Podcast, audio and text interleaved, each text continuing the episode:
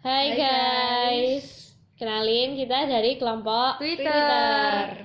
Nah, di kunjungan hari kedua di seminar nasional kita kali ini, kita itu berkesempatan buat kunjungi dua perusahaan, yaitu yang pertama itu Universitas Prasetya Mulia. Dan yang kedua perusahaan link aja. Nah, Prasetya Mulia sendiri ini sebuah universitas swasta yang cukup terkenal di Jakarta. Nah, istimewanya itu mereka di setiap jurusannya itu meskipun jurusannya bukan jurusan bisnis maupun jurusan manajemen, kayak misalnya jurusan teknik itu, mereka itu tetap setiap mata kuliahnya itu ada yang mengajarkan tentang bisnis dan manajemen. Nah, kemarin di Prasetya Mulia itu kita itu dapat sharing dari dua mahasiswa Prasetya Mulia, yang satu itu dari angkatan 2016, yang satunya dari Angkatan 2000 17. 17. Nah, mereka berdua itu menjelaskan tentang brand equity dan juga menjelaskan tentang brand activation. Nah, presentasi mereka menarik banget sih. Mereka itu benar-benar jelasinnya dengan cara yang super interaktif. Jadi kita itu tertarik buat dengerin. Nah, sekilas dari sharing mereka kemarin, mereka itu menjelaskan bahwa branding itu nggak sekedar cuma tentang nama, URL, dan lain-lain. Nah, nama, URL, dan lain-lain itu cuman sebuah brand, elemen dari sebuah brand yang nggak sama dengan branding. Sedangkan kalau branding sendiri itu adalah sesuatu yang harus kita lakukan sehingga suatu produk itu bisa eh, ketika seorang memikirkan sebuah produk apa yang ada di pikiran mereka. Nah, itu itu yang dinamakan dengan branding. Kemarin mereka juga mengajarkan gimana caranya kita itu membangun brand yang kuat. Ada caranya itu namanya membangun dengan cara CBBE atau Consumer Based Brand Equity. Nah, yang harus kita lakukan untuk kita membangun sebuah brand yang kuat itu adalah kita harus punya yang namanya sali- salience yaitu kita itu harus setidaknya tahu namanya. Terus kita juga harus mementingkan performance dan imaginary. Perbedaan dari performance dan imaginary itu adalah kalau performance itu lebih mengutarakan tentang facts, sedangkan imaginary itu tentang apa yang bisa dilihat. Nah, untuk mengimplikasikan pembangunan brand itu ada tiga cara. Yang pertama itu kita harus membuat customer itu merasa bahwa dia itu punya rasa memiliki terhadap brand tersebut. Terus kita juga harus ngerti kalau misalnya untuk membangun sebuah brand itu kita nggak bisa mengambil shortcuts atau jalan cepat atau jalan pintas. Nah setelah itu yang pembicara kedua itu membicarakan tentang brand activation. Nah eh, dia juga jelasin apa sih bedanya marketing sama branding itu. Nah kalau marketing sendiri itu tujuan akhirnya itu pasti sales. Gimana cara kita menjual produknya. Sedangkan untuk branding itu bahwa yang kita jual itu bukan produknya, tapi kita itu menjual value dari produk tersebut. Dan gimana caranya kita menciptakan arti untuk konsumen. Eh, yang harus kita lakukan untuk mengaktifasi sebuah brand itu adalah kita itu harus memberi dampak. Terus kita juga harus melibatkan audiens dan yang kita lakukan itu semuanya harus untuk eh, jangka panjang. Untuk brand loyalty jangka panjang. Terus dia juga menjelaskan bahwa antara brand dan konsumen konsumen itu adalah interaksi dua arah. Di mana kita itu mau mengengage setiap dari mereka. Terus kemarin dia juga ngomong tentang brand campaign dan brand activation bedanya brand campaign dan brand activation itu adalah kalau brand campaign itu membicarakan tentang pesannya sedangkan brand activation itu membicarakan mengenai penyampaiannya. Jadi gimana kita itu berinteraksi langsung dengan konsumen. Terus kita juga ingin eh, drive customer ke loyalty dengan produk kita. Terus kita juga pengen membangun awareness awareness customer terhadap produk kita yang akan membawa konsumen itu ke mem- kerasa memiliki engagement yang akhirnya membuat konsumen itu loyal terhadap produk kita. Terus juga ada beberapa stage dari brand activation yaitu exposure dari kita setelah kita memberi exposure nanti akan muncul engagement antara produk kita dengan konsumen. Terus kita juga harus memberikan experience atau trial terhadap konsumen yang akan leads konsumen tersebut ke loyalty. Sebagai contoh, itu kayak misalnya ada seseorang yang dari awal itu udah berkali-kali ganti HP tapi HP yang dipakai itu merek Apple terus. Berarti dengan demikian Apple itu berhasil mengengage customer mereka sehingga dia itu berhasil mendapatkan loyalty dari konsumen mereka.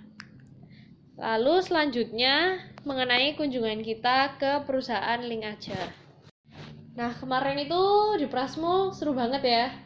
Iya. Kakak-kakaknya dan apa semua orang yang di sana itu nyambut kita dengan Ramah. terbuka banget ya. Terus bahkan yang kita yang kita baru tahu juga itu bahwa freshman atau mahasiswa baru itu ternyata udah bisa join lembaga kemahasiswaan dan mereka sangat aktif dan MC-nya seru banget nggak bosenin jadi kita itu di sana itu nggak bosen ya Iya. seru banget Seru. terus datang-datang kita udah dikasih snack, Snack. teh terus habis itu kita dengerin ngikutin sesinya mereka ada dua sesi tentang tadi brand activation dan brand equity Hmm. terus habis itu kita makan siang bareng ya sama Iya. mereka terus setelah itu nggak lama kita pisah sama mereka pamitan terus kita siap-siap untuk lanjut company visit ke Link aja. Link aja. Nah, sesampainya kita di link aja itu kita disambut sama Kak Kak. siapa yang cewek kemarin? Ya pokoknya itulah ada mbak-mbak gitu terus habis itu dia itu bawain apa bawain acaranya terus kita diberi materi sama Mas- brand manajernya ya Iya, brand manajernya Mas Giring aja. namanya Mas Gading. oh Mas Gading, Gading. iya Giring. Mas Gading nah kemarin judulnya itu Mas Gading itu bawain tentang tentang marketing for, digital lifestyle Gen Z. Nah dia itu jelasin bahwa sekarang itu kita tinggal di eh, di zaman yang di mana ada itu yang namanya mobile disruption di mana eh, mobile itu has put people in control. Jadi kayak setiap orang itu merasa sel- selalu harus perlu handphone. Dan setiap kegiatan itu selalu dilakukan pakai handphone. Mau makan mau chatting shopping kegiatan pembayaran pun Semuanya pakai pakai handphone. sedang ini tuh kegiatan hal ini tuh berubah sangat pesat padahal beberapa tahun yang lalu itu sebagian besar orang itu masih pakai cash karena pe- penetrasi handphone itu belum terlalu banyak nah dia juga kemarin ngasih fakta yang menurutku shocking banget sih ternyata lebih dari 50% orang di Indonesia yang berusia 15 tahun itu Belum punya account akun bank. Padahal tak pikir semua orang itu sekarang ya zaman sekarang siapa ya tuh yang Iya. nggak punya akun bank.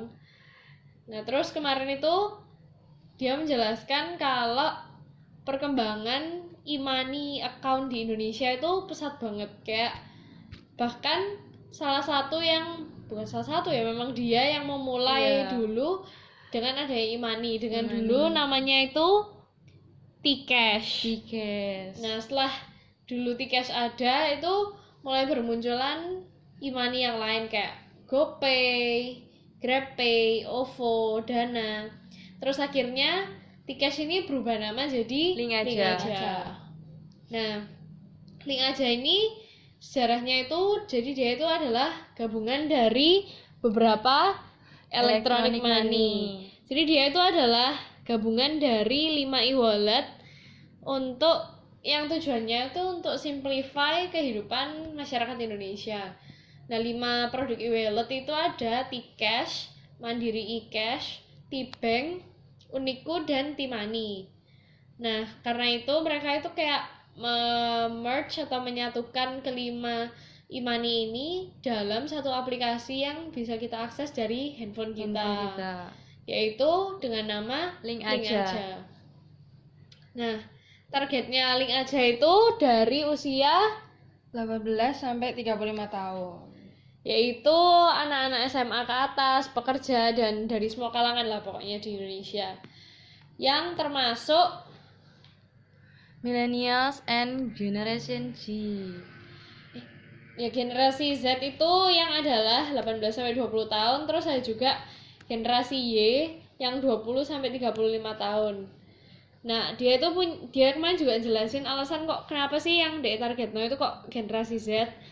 Nah, karena generasi Z itu notabene itu anak-anak yang baru lulus SMA, baru senang-senangnya kuliah, yang masih terbebas dari rutinitas kan kayak misalnya dulu waktu SD itu masih les, kayak les les kumon dan lain-lain gitu. Terus anak-anak yang termasuk generasi Z yang kayak kita-kita ini, kan Iya. kita ini kan termasuk generasi Z. Mereka itu fast paced. Jadi mereka itu selalu update dengan tren-tren kekinian. Kayak misalnya sekarang aja kita ke kafe yang kita lakuin duluan itu pasti Foto upload story. Terus apa anak-anak generasi Z ini juga punya yang namanya attention deficit yaitu di mana anak-anak ini tuh susah fokus terus kayak mereka itu susah untuk mengabsorb informasi di jangka waktu yang lama terus mereka itu juga anak-anak yang web server di mana segala sesuatu itu pasti pertama kali itu kita cari tahu dari internet terus mau promo atau segala macam itu pokoknya nyarinya lewat internet. Terus kemarin mereka juga jelasin ada yang namanya 5 seconds rule di mana menurut mereka itu 5 detik pertama itu adalah 5 detik yang paling penting. Terus kemarin dia itu juga jelasin bahwa kayak misalnya kalau misalnya zaman dulu itu prime time itu dari jam 7 sampai jam 7 9 sampai jam 9. tapi itu udah nggak berlaku sekarang zaman sekarang itu every time is prime time jadi kayak dari pagi aja kita bangun itu wes ngecek Instagram Pokoknya buka line, sosial media. WhatsApp, yes. pokoknya pasti segala kegiatan kita itu dari pagi sampai malam itu berhubungan dengan handphone. Jadi sekarang prime time is all the time. Jadi kenapa alasan terutama bagi kita kita generasi Z ya bangun itu pasti yang dicari pertama HP. HP. Terus jadi internet itu ada sekarang itu udah jadi sesuatu yang penting un, un- yang bisa dipertimbangkan untuk setiap brand untuk mengengage generasi Z. Heeh. Terus kemarin Kak Gading itu eh Kak Iya, Gading bener ya? Gading, Iya. Gading. Kemarin Kak Gading itu jelasin kenapa sih kok kita itu butuh desain yang berbeda di mobile daripada yang di web. Karena sekarang itu mobile behavior itu menurut data itu jauh lebih cepat perkembangannya dibandingkan desktop, TV dan lain-lain. Terus kemarin dia juga jelasin gimana caranya kita itu membuat our creatives mobile friendly. Itu caranya dengan dia tuh ngasih kalimat satu kalimat itu vertical is the new trend. Jadi kayak bedanya itu kalau misalnya bisa dijelasin tuh secara singkat tuh kayak kalau mobile itu kan vertikal, kalau misalnya PC Mm-mm. desktop itu horizontal. Horizontal. Kemarin dia tuh ngasih rumus 3V yaitu Vertikal, vertikal, view, video, sama view. view. Nah, vertikal itu maksudnya kontennya harus berbentuk vertikal karena kalau mobile itu kan bentuknya vertikal, jadi orang itu pasti malas muter-muter HP-nya. Sedangkan yang kedua, oh, sedangkan vertikal itu juga mencip nanti ujung-ujungnya akan menciptakan view. Orang akan terus kenapa kok video? Soalnya itu orang akan nonton materi itu dalam bentuk video itu pasti lebih menarik. Terus main dia juga menjelaskan bahwa 75% dari mobile data itu akan jadi video by tahun 2020. Kemudian dia juga menjelaskan eh, ada beberapa jenis video yang bisa dibuat iklan. Itu ada tiga macam durasi. Durasi dari 15 Dari detik. 30. Oh iya, 30 detik, 15 detik sama 5 detik. Terus kalau ditanya mana yang paling penting sebenarnya itu depends. Jadi kayak kita menyesuaikan dengan yang kita perlukan. Kayak misalnya kalau untuk Instagram story ya pasti kita pakai yang 15 detik. Iya. Tapi kalau misalnya kayak cuman iklan sponsor gitu bisa cuman 5 detik. Terus kalau misalnya iklan YouTube atau di Facebook itu bisa yang agak lebih lama. dengan memberikan informasi yang lebih lengkap. Jadi yang kami dapatkan dari Universitas Prasetya Mulia yaitu banyak hal seperti gimana bedain brand equity dan brand activation. Selain itu, kami juga dapat banyak hal pengalaman dan motivasi dari pembicara yang mempunyai banyak prestasi. Selain itu, mm, selain itu pembicaranya juga mengajari kita gimana cara branding, terus ngasih kita tips-tips buat branding untuk ke depannya agar marketingnya kita tambah bagus dan sebagainya. Sedangkan dari link aja kita juga mendapat banyak hal seperti dari link aja kita belajar untuk uh, lebih ngikuti tren yang ada. Mereka kan ngingetin kita lagi kalau generasi sekarang tuh lebih suka di digital. Lebih suka handphone dan lebih suka lebih suka uh, pegang handphone dan lebih digital juga orang-orangnya lebih suka video dan selalu menganggap semua itu sebagai prime time. Jadi kalau misalnya ke depannya sebagai uh, untuk marketing yang lebih baik kita sebaiknya ngebuat promosi atau apa pun itu dalam bentuk video yang menarik supaya konsumen juga suka dan tertarik untuk beli barang kita.